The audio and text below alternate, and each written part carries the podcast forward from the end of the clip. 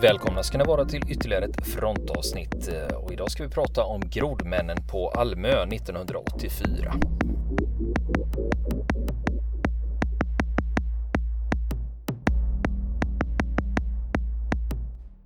Och Niklas, eh, du känner ju till att det finns ju många historier som snurrar runt i liksom den militära svenska folklåren. Mm, just det. Du vet, du kommer ihåg, vi gjorde ju den om eh, eh dödsolyckan på Inget i Södertälje 1991. Ja, just det, just det, det minns jag. Mm. Ja, och den, det var ju också det att det var en eh, det var en sån historia som hade snurrat runt. Man hade hört om den, kanske läst lite om den, men man var inte riktigt på det klara med vad, faktiskt, vad som faktiskt hade hänt. Nej, det blir ju lätt lite utbroderat och mycket teorier som helt plötsligt blir sanningar och sånt också på vägen. Ja. Det är ju klassiskt. Ja, ja, jo, men det är ju så. Därför är det ju tacksamt för oss då som med fronten att här kan vi faktiskt gräva ner oss i ett case och lägga alla fakta på bordet och säga att ja, men det var så här det hände. Mm. Ja, precis. Så att vi liksom Sant. rättar ut alla de här frågetecknen. Och det vi ska prata om idag som handlar om eh, grodmännen på Almö 1984. Eh, det är en sån sak jag faktiskt hörde talas om. Jag minns faktiskt inte så mycket av dem, de episoderna just från 1984. Men sen jag gjorde lumpen då dök de här historierna upp och man pratade lite om det. Mm. Just det. Och man, vi fick det berättat för oss vad som hade hänt och vad som, hur det hade gått till då. Då kände man sig lite, lite exklusivt att man fick höra om det här då. Mm. Men sen har ju de här historierna liksom trakterats i århundraden känns det som. Så de blir ofta, de blir bättre och de blir sämre och ibland så blir det varianter av dem så att. Mm. Eh, Just det. Då är det ju lika bra att eh, få ordning på det där. Just det, just det. Så eh, då har du tittat lite närmare på eh, på den ja. grodmanshistorien där då. Ja, precis. Ja. Och det är just det där med att faktiskt vilja eh, rätta till saker och berätta hur det egentligen var. Det, du kommer ihåg våra nyligen publicerade vi avsnitt om Civic House. Mm. Och han Dan, Sergeant Jan Mills som hade skrivit boken, han skrev ju den för att liksom, eh, ja, set the record straight som han sa, att han skulle berätta vad som egentligen hände. Just det. Och eh, det, det, var faktiskt eh, en av eh, befälen som var med nere i Karlskrona skärgård där 1984. Det var det som drev honom också. Han heter Mikael Lindholm. Mm. Och han har eh, gett ut en bok som heter Ubåtar och grodmän sex dygn på Almö 1984. Mm. Och det var just det att han eh, eh, han hade börjat skriva ett manus till den här boken 1989 Eh, men det blev inget av. Eh, men till slut så på hösten 2014 då läste han en bok om de svenska insatserna om svenska insatserna mot främmande undervattensverksamhet. Och där beskrevs händelserna på Almö felaktigt och då tyckte han att ja, men, eh, det är väl lika bra, jag som var där kan ju lika gärna berätta vad som hände.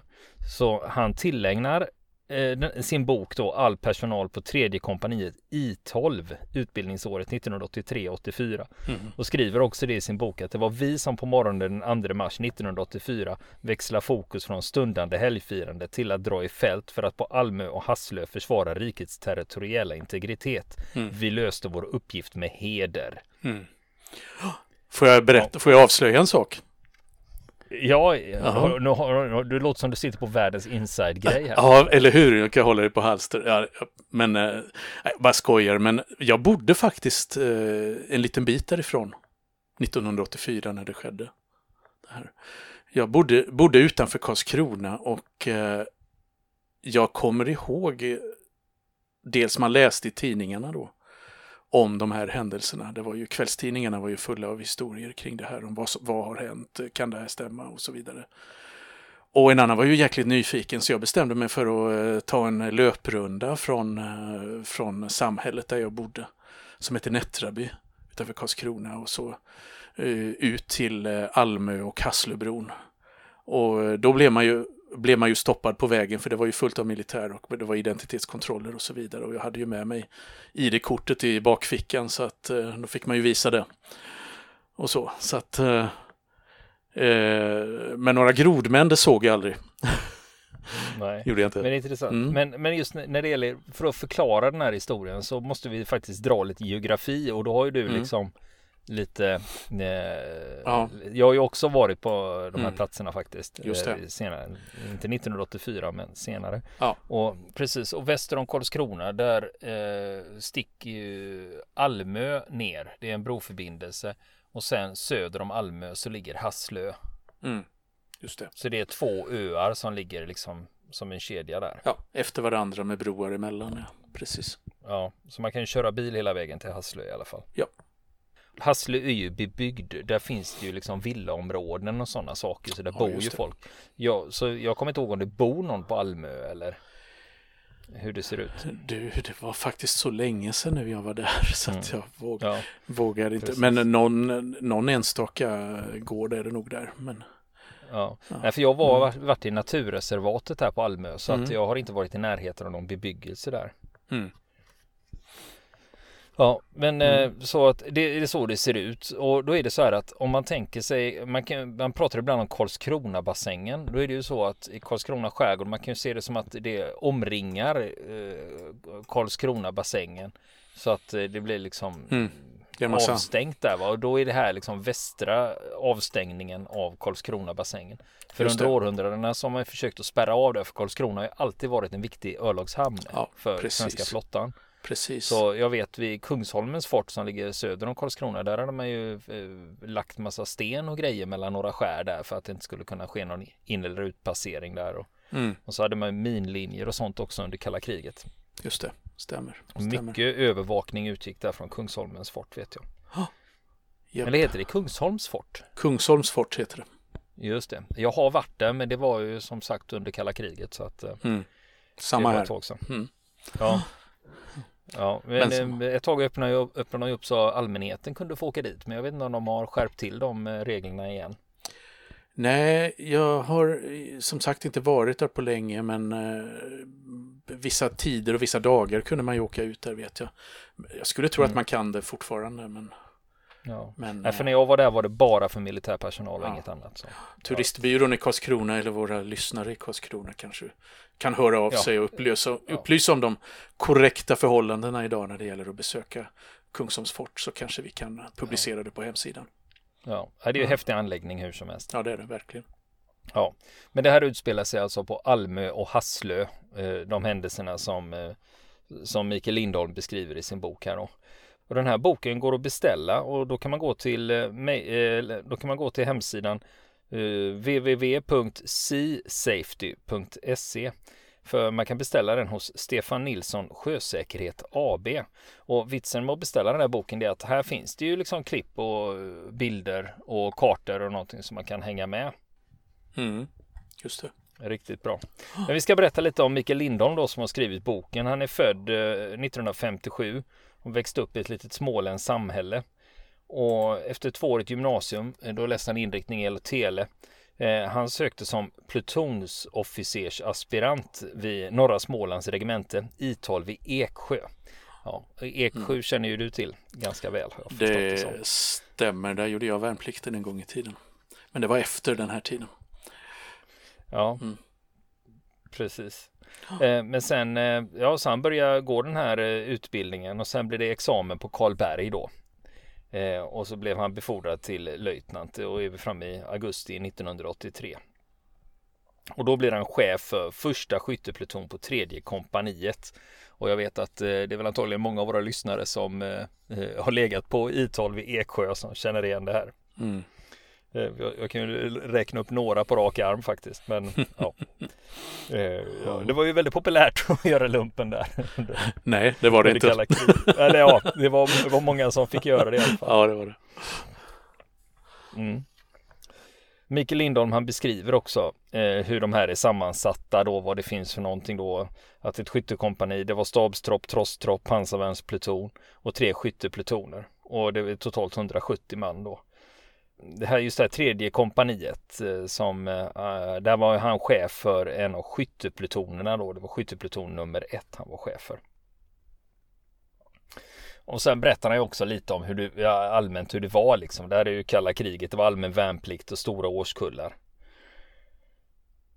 Och eh, det gjorde att de fick ju in fler än vad som faktiskt skulle bli krigsplacerade. Det var 37 som skulle bli krigsplacerade och upp, första uppställningen då var det 49 soldater. Mm. Och gruppchefer och fyra plutonchefselever och då är det 53 värnpliktiga. Och ibland så lyckades man ju behålla eh, de värnpliktiga genom de här utbildningarna och ibland så sållades de ju bort också. Just det. Ja, och, och den här plutonen de hade, de hade arrangerat den i fyra skyttegrupper med nio man i varje.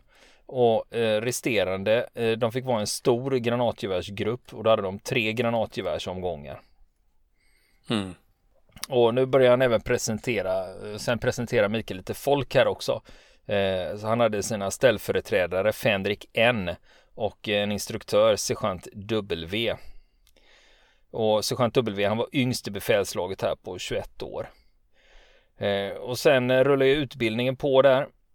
Det, det är inryckt där i augusti, det är ju då han börjar jobba som plutonchef. Och sen i februari för någon förstärkning i befälslaget då är det Fänrik R som man kallar honom. Han skriver inte ut namn på sina kollegor i den här boken, det är bra att veta.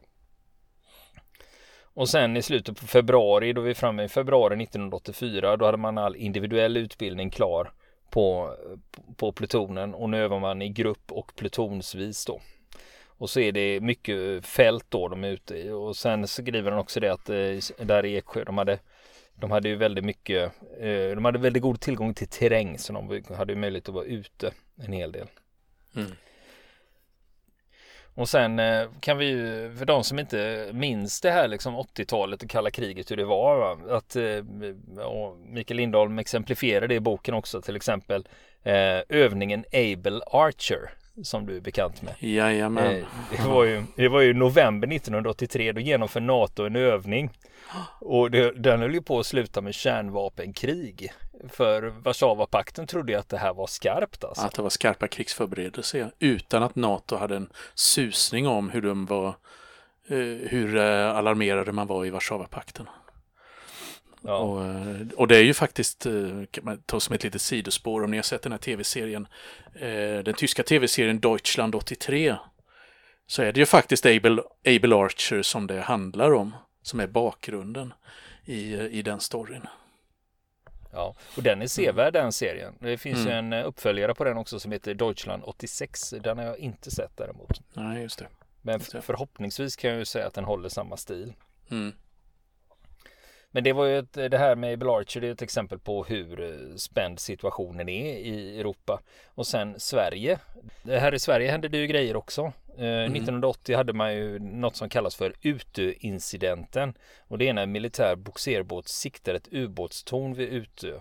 Då mm. drar man igång en ubåtsjakt och det pågår under flera veckor och då har man flera kontakter under den här jakten.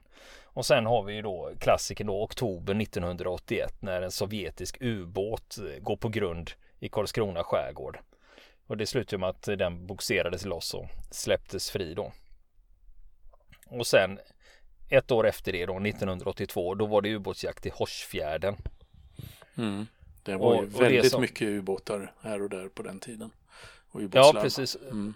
Ja, och då var det ju, man gjorde ju ett flertal vapeninsatser där i Horsfjärden. Man släppte ju 44 sjunkbomber och, och brände av fyra miner. Och, eh, och sen är det just det där, vad, men vad gav det för resultat? För vi får inte glömma att det finns en del svenska politiker som har byggt sina karriärer på de här sakerna. Mm. Ja, just det. Eh, och så det, och det, det, har ju varit omtvistat då efteråt. Vad, vad, var det något eller var det inte något då? Ja, precis, precis. Det är ju en, det är ju en ganska infekterad diskussion har det ju varit i många år. ja, precis. Så det finns ju de prestige. som... Ja, och sen eh, blir det ju alltid sådär att oavsett vad det handlar om att eh, det är många som uttalar sig som inte har en aning. Eh, ja. Och sen finns det de som var med och som kan liksom säga hur det faktiskt var. Mm. Just och det. Man, eh, det som Mikael Lindholm skriver i, i, sin bok här då.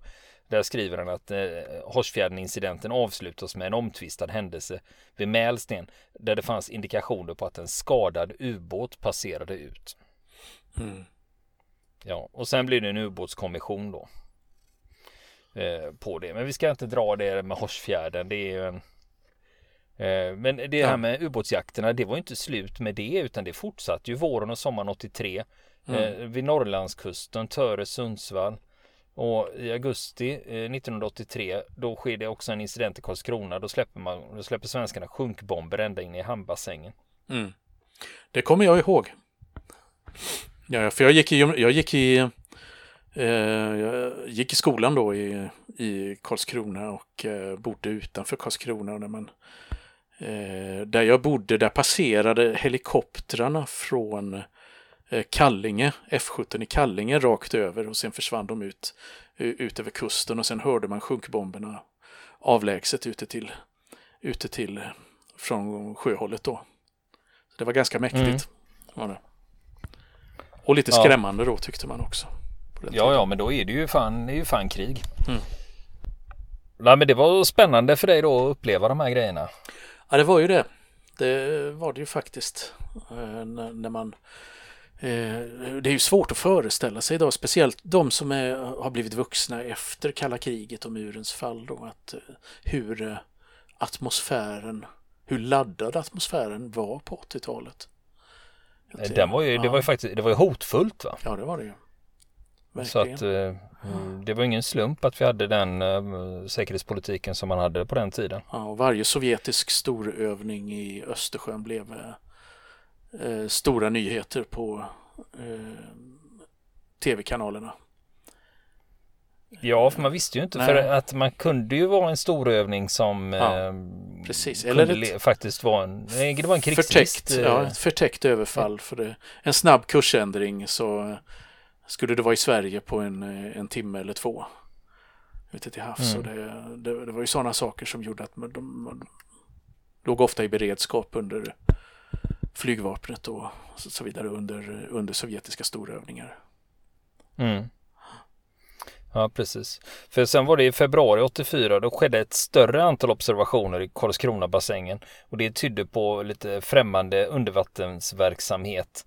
Och eh, på kvällen, torsdag 9 februari 1984, då fick man vid två tillfällen utslag på en spaningsslinga vid Kungsholmsgattet i huvudinloppet i Karlskrona. Och två timmar senare observerades kort två radarekon på yttre rädden. Så de har ju fått en indikation på att det är något där inne och rör sig. Och så eh, försvaret, de sätter in beredskapsfartyg och bemannar minspärrtroppen vid Kungsholmen. För det var ju så man hade minspärrar som låg som man kunde bränna av. Och tidigare samma dag så är det en befälhavare på ett civilt fartyg vid kajen på Verkö. Han har sett vattenrörelser som av en bogpropeller. Och sen på östra fjärden där får fiskare upp söndertrasade nät. Och det som militären håller på med nu det är att försöka få klarhet om det är en främmande ubåt som har trängt ända in i bassängen. Och man utökar bevakningen med både tekniska system och sen även personal för optisk observation. Det vill säga att eh, det är att man sitter där och tittar helt enkelt för att se om man ser något. Ja, och sen är det chefen för Blekinge kustartilleriförsvar. Han bedömer att det finns miniubåtar inne i bassängen och att det ligger en moderubåt utanför Kungsholmen. Och ÖB han ger tillstånd att använda fasta mineringar för att tvinga främmande ubåt att inta ytläge. Alltså att ja, ni får blåsa på om ni behöver. Och sen lördagen den 11 februari då upptäcker man bottenspår på Östra fjärden och fler söndertrasade fiskenät. Och då, när man då lägger ihop alla de här observationerna, då drar man slutsatsen att det pågår eller har pågått främmande under, under, undervattensverksamhet. Det är ett eh, väldigt speciellt ord. Och sen på tisdagen den 14 då är det en helikopter och ett fartyg på yttre rädden som får kontakt med vad som bedöms vara en miniubåt och då fäller man 14 sjunkbomber. Men sen när man väl analyserar den här insatsen så visar det sig att det sannolikt var ekon från andra fartyg som gett kontakt. Det kallas för andra svepsekon det här. Och vid den här platsen för insatsen då, men då hittar man i och för sig bottenspår och det, då tycker man att ja, men det bekräftar ju ändå att det har ju funnits någonting här. Va?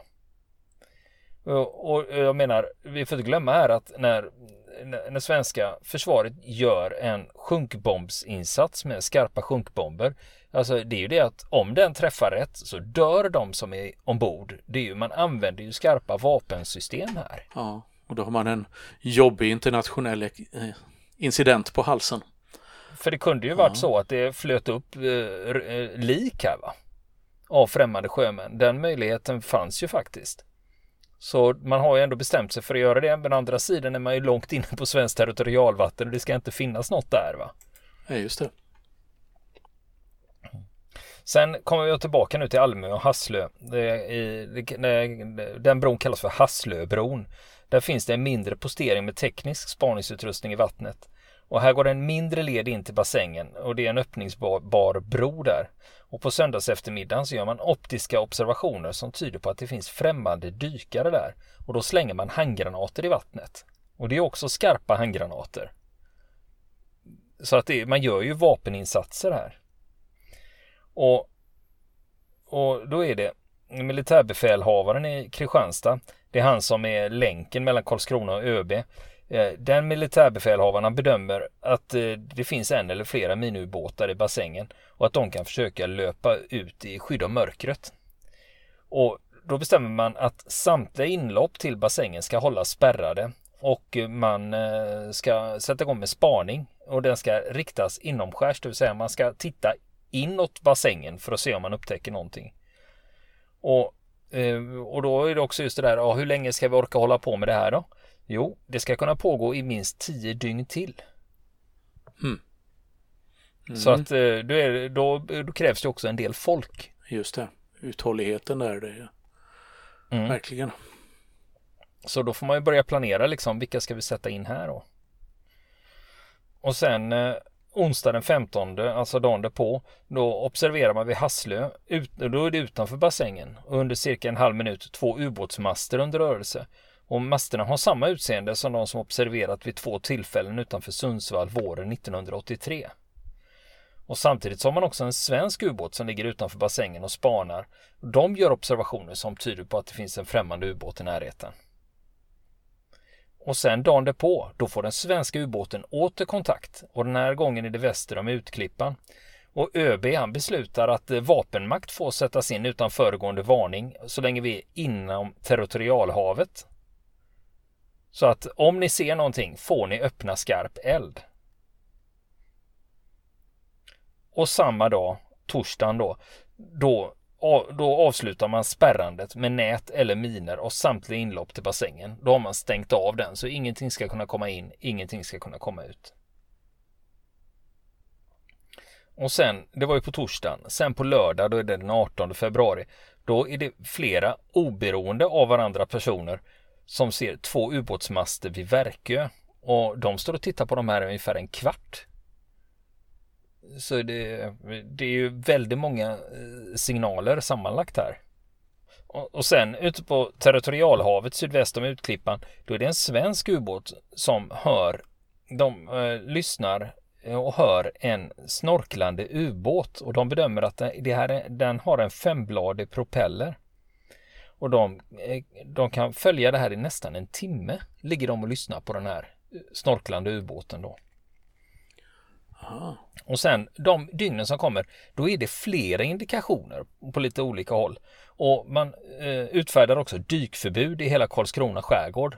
Nu är det ändå februari så det är väl inte så där gigantiskt mycket fritidsdykare men man får inte dyka överhuvudtaget och det är för att man ska hålla rent från civilister så att det inte ska vara några andra där när man håller på med sin verksamhet. För man riskerar ju att skada folk eh, när man gör skarpa vapeninsatser. Ja, precis. Och sen är vi framme vid tisdag den 21. Då, det finns, då har marinen en analysgrupp. Då har de gjort bedömningen att det finns två miniubåtar i bassängen och det kan även finnas dykfarkoster där. Och sen fortsätter det med eh, flera olika observationer på olika platser. Eh, bland annat då runt Hasslöbron och då är det både tekniska och optiska och det är på söndag den 26. Och då slänger man handgranater mot det man ser i vattnet då. Och nu har man hållit på med det här i tre veckor, den här ubåtsjakten som det kallas. Och måndag den 27 februari då gör militärbefälhavaren i Kristianstad följande bedömning. Han säger att minst en miniubåt har sedan den 9 februari befunnit sig i bassängen. Och det verkar som att den kommer att operera ytterligare en tid. Och vid Bollösund, där kan dykare ha passerat med hjälp av undervattenstransportmedel natten mellan den 25 och 26. Och sen har vi sett en, eh, nej så sa han inte utan han sa att, att en konventionell ubåt har vid ett flertal tillfällen indikerats på territorialhavet utanför Karlskrona skärgård. Den ligger alltså utanför men det är fortfarande på svenskt vatten. Just det. Och nu måste man ju eh, få tag på folk här va. Ja, och, de, och det är ju det här med bemanna då. Man har ju folk från kustartilleriregementena som är där. Och sen har man också trupp från I11 i Växjö ska sättas in här. Och när de är klara med I11 då ska förband från I12 komma och avlösa då. Och då får ju, eh, då får ju de här skyttekompanierna på I12 order om vad är det de ska ha med sig. Och eh, då är det, man ska ha med sig skarp ammunition till granatgevären och en stor mängd handgranater och lysammunition. Man ska ha med sig extra bildförstärkare och kikare. Och andra kompaniet eh, kommer att åka ner eh, den första mars. Men eh, innan, de ska ju dit den första mars, men då händer det en grej innan. Och då är det på onsdagskvällen den 29 februari. Då kommer det nämligen att hända grejer där nere. Och det är att en polishund får upp ett spår. Och det här är skottårsdagen 1984, 29 februari, inte så vanligt. Och eh, då är det på Almö, där finns det en postering och det är det soldater från kustartilleriregementet i Karlskrona. Och de hade ju ryckt in i början av januari. De hade haft åtta veckors utbildning vid det här tillfället. Det vill säga de är inte så uh, vana eller så rutinerade. Nej, Ganska gröna. Ja, precis. Och eh, ungefär klockan 20 på kvällen då observerar soldaterna i ett postställe ett ljussken i vattnet söder om sig. Och de kallar fram posteringschefen och eh, den här posteringschefen kommer dit ihop med fyra soldater. Och då ser man att det finns fyra svanar som simmar söderut parallellt med stranden. Och en av soldaterna fortsätter observera de här i bildförstärkaren och ser att de plötsligt skingras. Och då ser han en människa som simmar mot stranden. Och avståndet är ungefär 100 meter. Och ytterligare en soldat tittar i bildförstärkaren och bekräftar att det är en simmande person som simmar fram till stranden och reser sig upp. Och posterna noterar att dykaren har något på bröstet men saknar synliga tuber på ryggen. Och då rapporterar man det här omgående till den militära insatsledningen och de larmar polisen i Ronneby.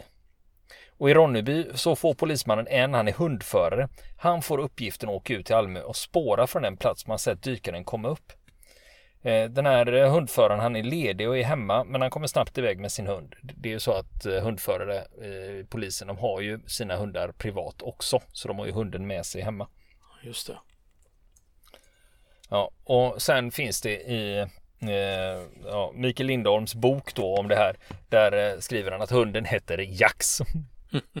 men, men han fått mm. göra en fotnot för hunden heter egentligen E-Jax. Men den kallades allmänt för Jax och då så får den heta Jax.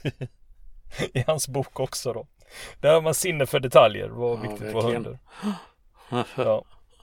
ja, och då var ju frågan då liksom att, ja men den här hunden, var, hur, hur vass är den då?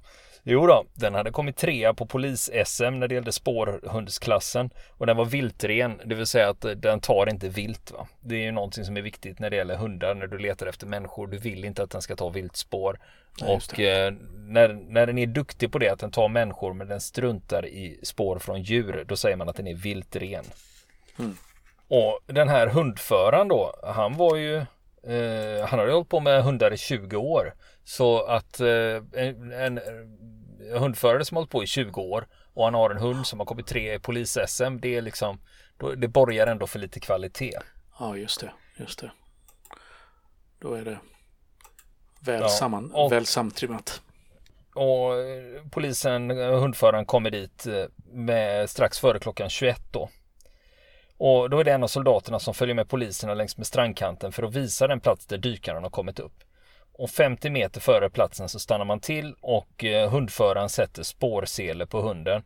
Och eh, nu vet hunden vad, vad, som ska göras. Och man går in några meter och går sedan tillbaka samma väg.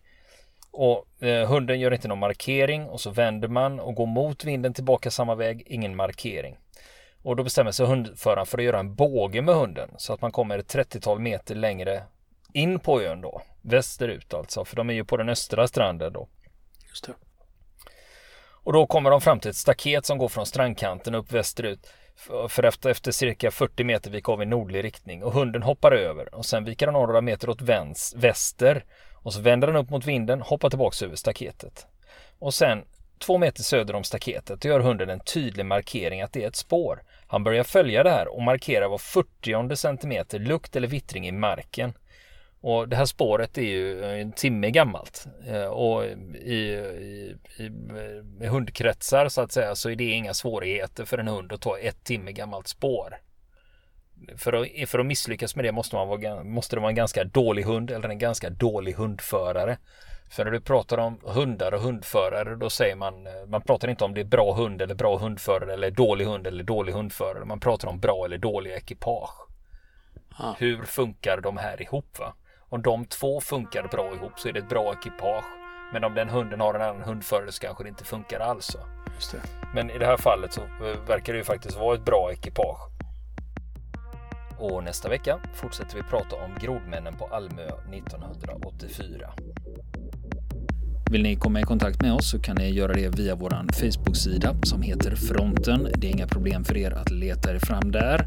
Eller också så mejlar ni på vår mejladress och det är frontenpodcast.gmail.com.